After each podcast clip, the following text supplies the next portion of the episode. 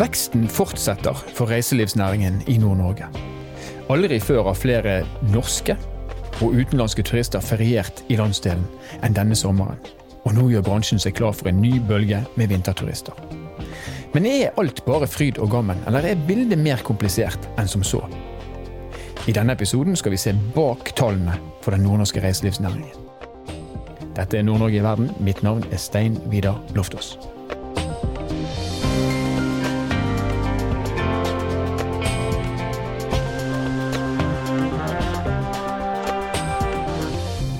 I sommer ble det registrert nær én million utenlandske overnattinger i Nord-Norge. Dette er en økning på 7 målt imot sommeren 2018, og de tallene her de er altså henta fra telleren til Kunnskapsbanken for Nord-Norge. Og For å hjelpe oss til å forstå hva som ligger bak disse tallene, har vi nå fått besøk i studio av analytiker ved Capia analyseselskap. Eivind Hestvik Brekkan. Eh, og Eivind, gi oss eh, hovedbildet. Hva er status for reiselivsnæringen i Nord-Norge hittil i 2019? Ja, Hvis vi ser på overnattingstallene som vi har inne på hotell, hytte, camping og Airbnb, så er vi hittil i år, fra januar til august, eh, på nesten fire millioner overnattinger. Og det er 9% økning fra året før, og over 300 000 flere overnattinger. Mm. I um, sommermånedene fra mai til august så har vi òg en 9 økning og rundt uh, 2,6 millioner overnattinger. Hvis vi ser bak, bak, tallene, altså bak denne økningen, hvor er det veksten kommer? Er det hoteller, er det campingplasser, eller hvordan? Det er en vekst i hotellovernattinger på 55 000, hvis vi fokuserer på sommermånedene. Vi har like stor vekst i campingovernattinger, men dobbelt så stor økning i Airbnb-gjester i, i, antall overnattinger. Så det er en kjempestor økning i, i, Airbnb. Men jeg vet jo at Airbnb er jo ikke offisielle tall på samme måte som hotell, f.eks., der det er ganske enkelt å ta ut eh, statistikk. Hvor trygg kan vi være på at eh, de tallene her er korrekte? Nei, de dataene der er estimater, men det er de beste estimatene vi har. Mm. Vi kjøper dem fra et selskap som tråler gjennom alle utleieannonser på Airbnb, og hente informasjon derifra, som da brukes til å estimere antall overnattinger. Så hører vi noen sier at Airbnb er i praktisk forstand det største hotellet i Nord-Norge. Men hvem er det som leier ut, og, og, og, og hvor, hvor, er det man leier ut på, på Airbnb? Vi vet ikke så mye om hvem som leier ut, men uh, det er jo Lofoten, Tromsø og Vesterålen som er de største regionene i Norge. Ja. Og det var, hittil i år så har det vært over 5000 forskjellige utleienheter som uh, har leid ut i Nord-Norge. Over 5000? Ja. ja. Vet vi hvem det er som uh, velger Airbnb framfor hotell og campingplasser?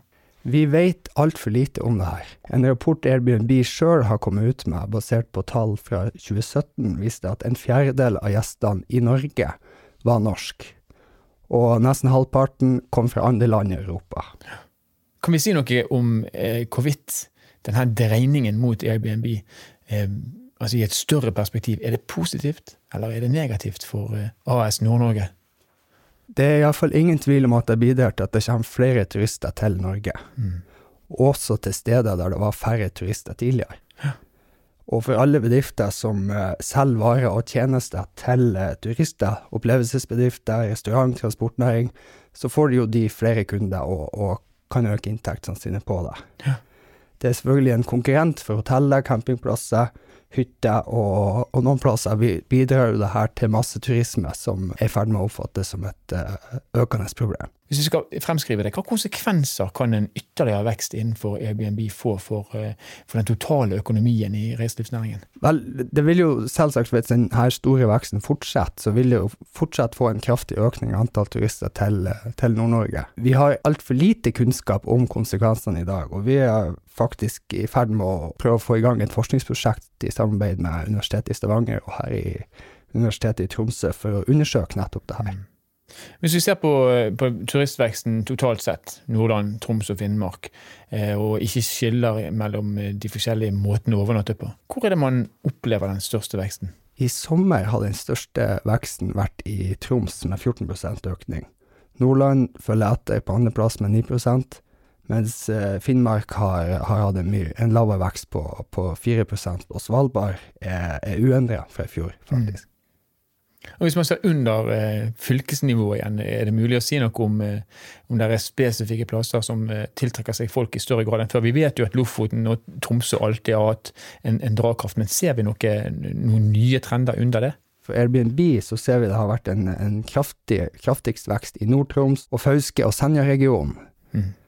Eh, Lofoten er kjempepopulær, men er blant de regionene som har hatt lavest vekst i år mye av årsaken er fordi de allerede i fjor var veldig, veldig store på Airbnb. Det har vært eh, soleklart høyest inntekter blant alle regionene i Nord-Norge, og de har tjent eh, over 60 millioner på Airbnb-utleie i sommer. Det tilsvarer nesten 2500 per innbygger i hele Lofoten. Så det er ganske mye penger som mm. blir lagt igjen hos utleiere i Lofoten i løpet av en sommer. Hvis vi ser på turistene, hva land de kommer fra, hvordan ser mønsteret ut der? Da må vi se på hotell, hytte og campingovernattinger. Og der ser vi at eh, Norge fremdeles er den største gruppen, med over eh, halvparten av eh, overnattingene i Nord-Norge. Mens utlendingene vokser kraftigere. Mm. Det er større økning i overnattinger fra utenlandske gjester, og Tyskland er den største gruppa, med 12% av alle overnattingene i i sommer. Mm. Sverige og Finland er på pallen, og den største veksten ser vi fra USA, Finland, Sverige og Frankrike. Er det noen overraskelser når du ser på eh, den totale statistikken over hvor eh, folk kommer fra? Nei, det er kanskje Det, det, det krever litt mer eh, analyse for å finne ut akkurat hvorfor de og de mm. gjestene hadde en kraftig økning. Men valutakursen kan jo sikkert ha spilt mye inn, spesielt på USA. da. Hvis vi går tilbake til 2011, så hadde du 100 dollar, så ga deg det 550 norske kroner. 100 dollar i dag, det gir det over 900 norske kroner. Så det er klart det blir mye billigere for en amerikaner å dra på ferie til Norge. Så attraksjonskraften i Nord-Norge den består av eh, eksotisk natur og, og ren mat, men den består òg av konsekvensen av en valuta som er betydelig mye mindre verdt enn den har vært i de siste årene. Det gjør nok det. Også euroen har styrka seg mot norske kroner. Eh, vi har jo et inntrykk av at økningen fra Asia, kanskje spesielt Kina og Korea, har vært formidabel. Men du, på statistikken din så nevner du ikke disse landene? Nei, vi har ikke sett på de, de landene i Asia, fordi de er ikke blant de ti største opprinnelseslandene mm. i Nord-Norge. Men vi ser jo en, en, kraftig vekst i turisme fra Kina, så hvis dette fortsetter, så vil det jo snart bli en viktig aktør eh, for eh, nordnorsk reiseliv. Kanskje er de på pallen før vi får sukk for oss. Tusen takk skal du ha, Eivind Hestvik Bekkan fra Kapia analysebyrå.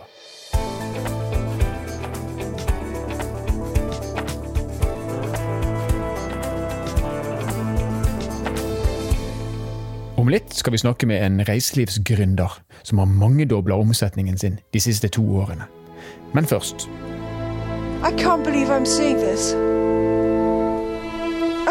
it's fantastic. And it's coming again. I have been waiting all my life to see the Northern Lights. And now I'm seeing them on a scale that is beyond description. Det er nå elleve år siden BBC sendte den første episoden av Joanna Lumley. Eller Joanna Lovely, som i hvert fall vi i Nord-Norge kanskje bør kalle henne. Uh, in the land of the Northern Lights. Just behind those little cottages. Just below the moon and above the mountains. Look at that!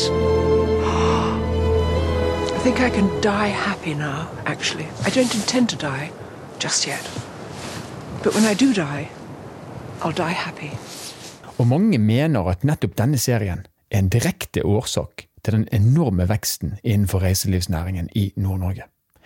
Eh, og Siv Sandvik i Nordnorsk Reiseliv AS.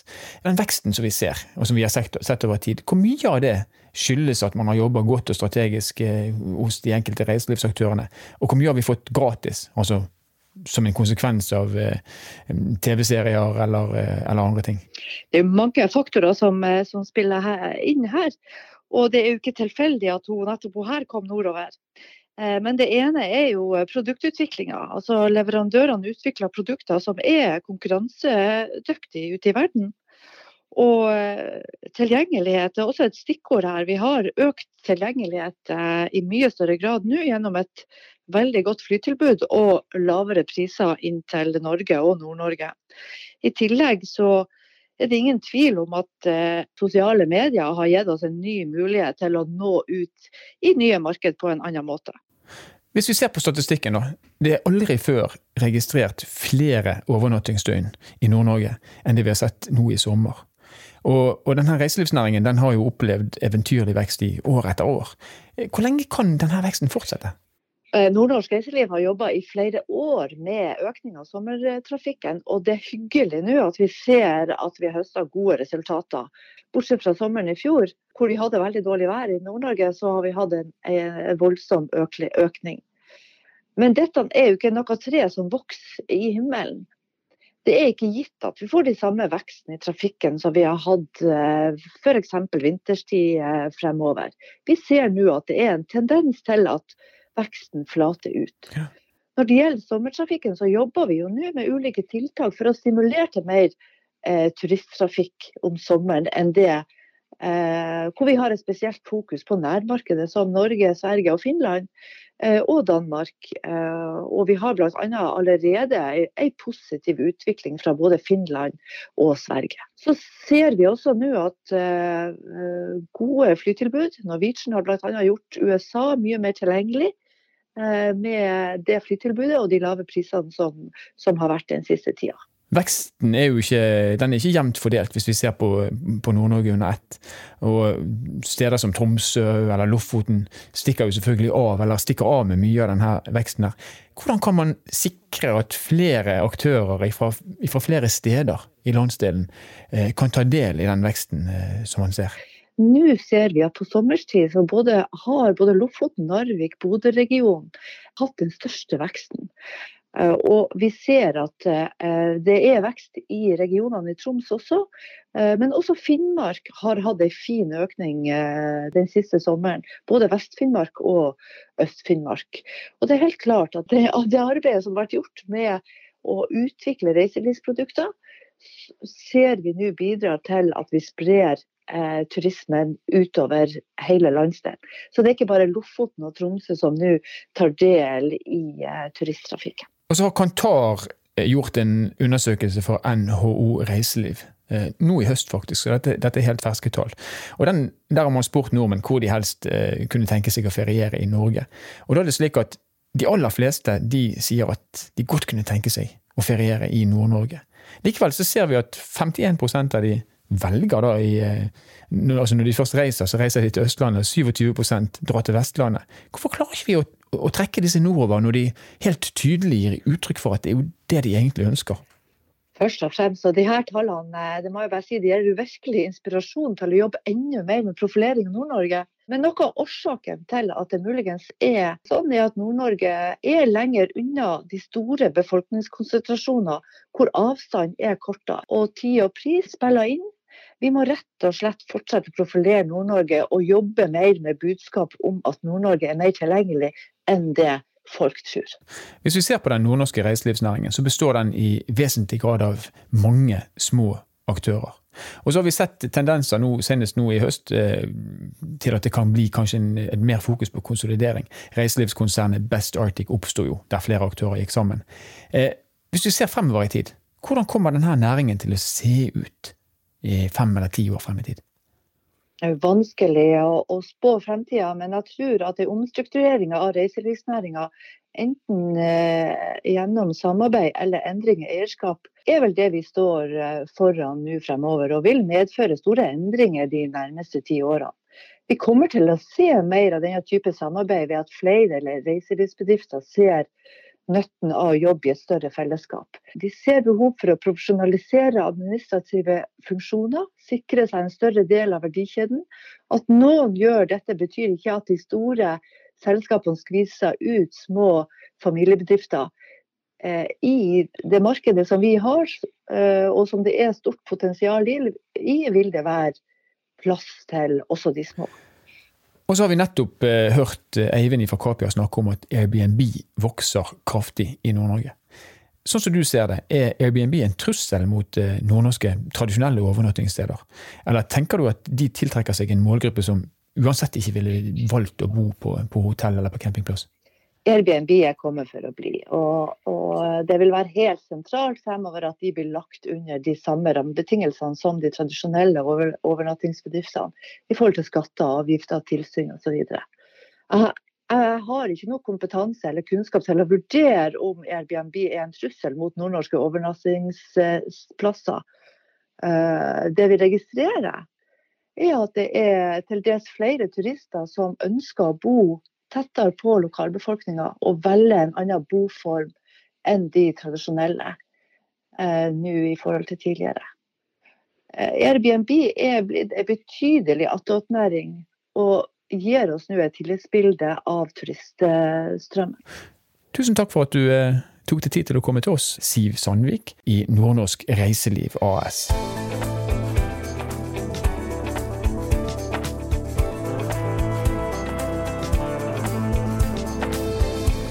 En av reiselivsbedriftene som har opplevd stor suksess, er Tromsø-baserte Pukka Travels. Gjennom å satse på bærekraftige opplevelser har dette selskapet økt omsetningen sin fra 4,5 millioner i 2017 og helt opp til 21 millioner kroner i fjor, altså bare på ett år. I vinter så var de faktisk 40 ansatte i selskapet. Og bak selskapet står gründer og daglig leder, og svenske, Anton Heibel. Velkommen til oss, Anton. Ja, takk. Veldig hyggelig å være her. Og Anton, Fortell oss litt om bakgrunnen for at du etablerte Poker Travels i 2016. Eh, jeg har jobbet i turisme internasjonalt eh, i eh, nesten ti år. Og sen har gode venner som har rekommendert og snakket om Tromsø i mange år. Så jeg har hørt om denne destinasjonen som en fantastisk plass med mye utvikling. Og så en dag i 2015 så tok jeg et fly opp her. Og jeg husker den dagen, for jeg satt i flyget og så ut gjennom vinduene og så denne plassen er helt fantastisk. Så før jeg landet i Tromsø, så var jeg solgt på at det her var en, eh, det her var en kul plass. Eh, etter det så uh, jobbet litt Svalbard og jobbet litt i Tromsø.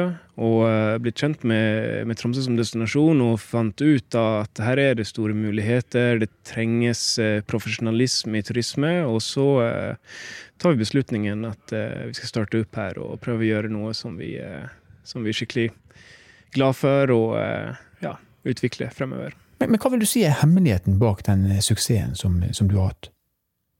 Noe som vi har funnet ut eh, på denne reisen, det er jo at eh, eh vi har relativt mye high end eh, klienter. da eh, som ønsker god service, god kvalitet, god standard. Og det er jo disse tingene saker som alle selskap sier at de ønsker å ha. ikke sant? Vi har funnet ut at den personlige kontakten med kunden, det er det viktigste. Eh, og Tromsø er veldig god på det. Altså, eh, det er ikke bare våre selskap, men som destinasjon har eh, Tromsø gjort en fantastisk jobb på å være en velkomnende destinasjon. Og feedbacken Jeg tror Tromsø ble rata til det beste reisedestinasjonene i Europa eh, ut av TripAdvisor eh, kom etter Hawaii og Costa Rica globalt. ikke sant? Og det sier noe om hvordan standarden er på service og hvordan vi møter dem som kommer hit. ikke sant? Og vi, vi, snakker mye om det. Vi snakker mye om psykologien bak en gjest. Alt fra det de finner oss på nett, eh, til det at de har vært på en tur. Og eh, vi sier takk så mye og håper du får en god reise tilbake hjem. Og så ser vi at eh, dere har tatt i bruk folkefinansiering, crowdfunding, for å hente inn penger til nye båter. Kan du fortelle litt om hva folkefinansiering er, og hvorfor dere har valgt denne finansieringsmåten? Ja, selvfølgelig. folkefinansiering er jo en veldig spennende modell for finansiering. Det som jeg syns personlig er mest interessant, er jo det at vi har en, nå skaper en relasjon mellom selskapet og næringslivet og det private. Den får lov å være med på denne reisen. Eh, og det som skjer da, vi selvfølgelig vi betaler litt mer for finansiering ved folkefinansiering enn hva vi gjør med en bank, f.eks. Eh, og det som kommer som en sånn bonus på det, da, det blir en indirekte markedsføring for selskapet. Eh, og vi får gode representanter, eh, gode ambassadører for selskapet. Og eh, vi har sett effekten av det. Vi har gjort den første casen med et selskap som heter eh, Funding Partner, eh, akkurat etter den ble godkjent av Finanstilsynet forrige året og finansiert vår båt nummer to på åtte timer. Og det er selvfølgelig greit vi fikk finansiert, men i tillegg fikk vi en ja, kanskje det var 90 uh, investorer som nå eh, heier på oss og eh, ønsker å bli med i reisen fremover. Og eh, noen har blitt våre gjester, ikke sant. Og, eh, og fått mye goodwill og mye indirekte markedsføring fra den casen. da. Sett med dine øyne, hva tenker du er de største mulighetene og de største utfordringene for nordnorsk reiseliv nå og i, eh, i årene som kommer? Eh, Forrige vinteren så var vel egentlig den første vinteren der vi hadde litt problemer å finne hotellrom ikke sant, for, eh, for, gjester. Og det betyr at vi har nådd en liten tak ikke sant, for uh, hvor mange som kan være her samtidig. Det som er bra med det, det er at det åpner opp muligheter for regionen i sin helhet, og uh, finner nye alternativer for bolig og aktiviteter, og eh, kanskje spry ut litt ut av den eh, veksten som Tromsø har sett da, til andre, andre plasser i regionen. Eh, Senja er jo utrolig interessant destinasjon. Eh, det finnes flere interessante destinasjoner nordover. Det finnes mye interessant inne i landet. Og forhåpningsvis forhåpentligvis så er den store muligheten å altså, ekspandere Tromsø litt eh, regionsmessig. da. Uh, og uh, sen tror jeg det er veldig viktig at vi fokuserer som, uh, som næring på fortsatt å ha veldig høy kvalitet, ikke sant. Prøver å holde priser på aktiviteter i, til en riktig standard. og det koster selvfølgelig ganske mye å drifte profesjonelt i reiselivet.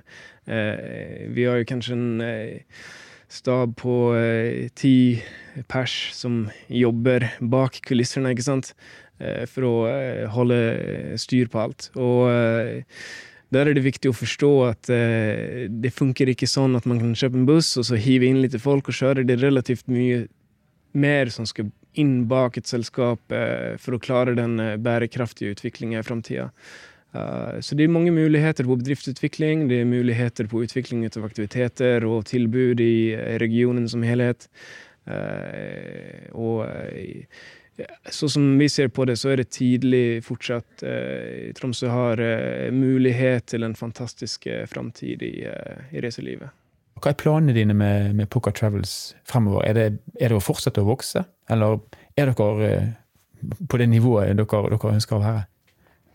Ja, altså vi eh, gjør jobben vår ikke sant? Og, eh, og prøver å leverere så, eh, så godt som mulig. Uh, mye fokus nå er å uh, bygge opp en organisasjon som er litt mer bærekraftig i seg. Uh, det er mye sesongsbasert ja, mye sesongsbasert arbeid i denne næringa. Og det skaper selvfølgelig litt utfordringer når man driver helårs. Vi drifter 364 dager i året og tar julaften fri. Men eh, der ønsker vi å, å, å, eh, bygge selskapet på innovasjon og eh, utvikle nye konsepter og stabilisere litt av den sesongsbaserte driften. ikke sant? Og så har dere planer om å også ekspandere til, til Bergen, og det blir jo jeg spesielt glad for, naturlig ja, nok. Men hva er årsaken til at dere velger Bergen? Altså Nord-Norge nå, og så Bergen? Ja, jeg drar til Bergen denne uken eh, for å sjekke litt før neste sommer. Eh, det er ikke sikkert at vi skal starte der, men eh, vi ser et eh, behov eh, for våre type aktiviteter. Altså, Tromsø har jo tradisjonelt sett vært en sommerdestinasjon, og så har det vært mye jobb sant, på å bygge opp denne vinterdestinasjonen. og så Eh, Instagram, eh, Facebook-verden har eh, gitt oss eh, litt eh, boost da, når det kommer til nordlys, eh, interesse for nordlys og, eh, og, den type turisme. Så vi ser litt utfordringer når det kommer til sesongsbaserte driften. Eh, et tiltak vi gjort dette året, var å ekspandere til Lofoten. Eh, Tromsø har fått en profil som en vinterdestinasjon og mye fokus på nordlyset, og så Lofoten har en profil som en sommerdestinasjon og mye fokus på foto, hiking og andre typer sommeraktiviteter. Vi har òg driftet på Svalbard litt eh, sommertid. Eh, så vi ser at vi må eh, bruke innovasjon og ekspansjon sommertid eh, for å stabilisere det sesongsbaserte eh, swingsen, da, som er relativt eh, det, det, betyr mye for selskapene hvis vi klarer å finne ut av hvordan vi gjør det her hele års. Tusen takk skal du ha, Anton Heivel fra Pukka Travels. Ja, tusen takk. Så veksten i reiselivsnæringen i Nord-Norge, som har vokst voldsomt eh, over de siste årene, den ser altså ut til å fortsette å vokse. Og så må vi jobbe hele tiden for å utvikle tilbudet vårt. Kanskje trenger vi etter hvert å jobbe for å konsolidere bransjen. Men det som i hvert fall er helt uomtvistelig, det er at Nord-Norge er attraktivt for turister. Både fra eget land og fra andre land. Vi er attraktive fordi at vi har ren natur, vi har ren mat, vi kan by på eksotiske eh, naturopplevelser. Og så er det ikke til å stikke under en stol at det også er ganske rimelig å besøke Nord-Norge. Rett og slett fordi at den norske kronen er historisk svak. Og du, dersom du liker denne podkastserien, så hadde vi satt stor pris på om du kunne anbefalt oss til en venn eller en kollega, og kanskje også gitt oss en vurdering i Apple Podcaster. Det er ikke så vanskelig. Du åpner bare podkast-appen, går til Nord-Norge i verden og scroller helt nederst. Der kan du gi både en vurdering og du kan ikke skrive en omtale. Det hadde vi satt pris på. I denne episoden har du eh, hørt eh, analytikere fra Capia analyseselskap, Eivind Hestvik Brekkan. Du har også hørt eh, Siv Sandvik ved Nordnorsk Reiseliv. Og du har hørt eh, gründer og eier av Pukka Travels, Anton Heibel. Nord-Norge i verden er produsert av Sparebank1 Nord-Norge i samarbeid med Helt Digital. Musikken du har hørt er laget av Emil Karlsen. Mitt navn er Stein Vidar Loftaas, og vi høres igjen i neste episode.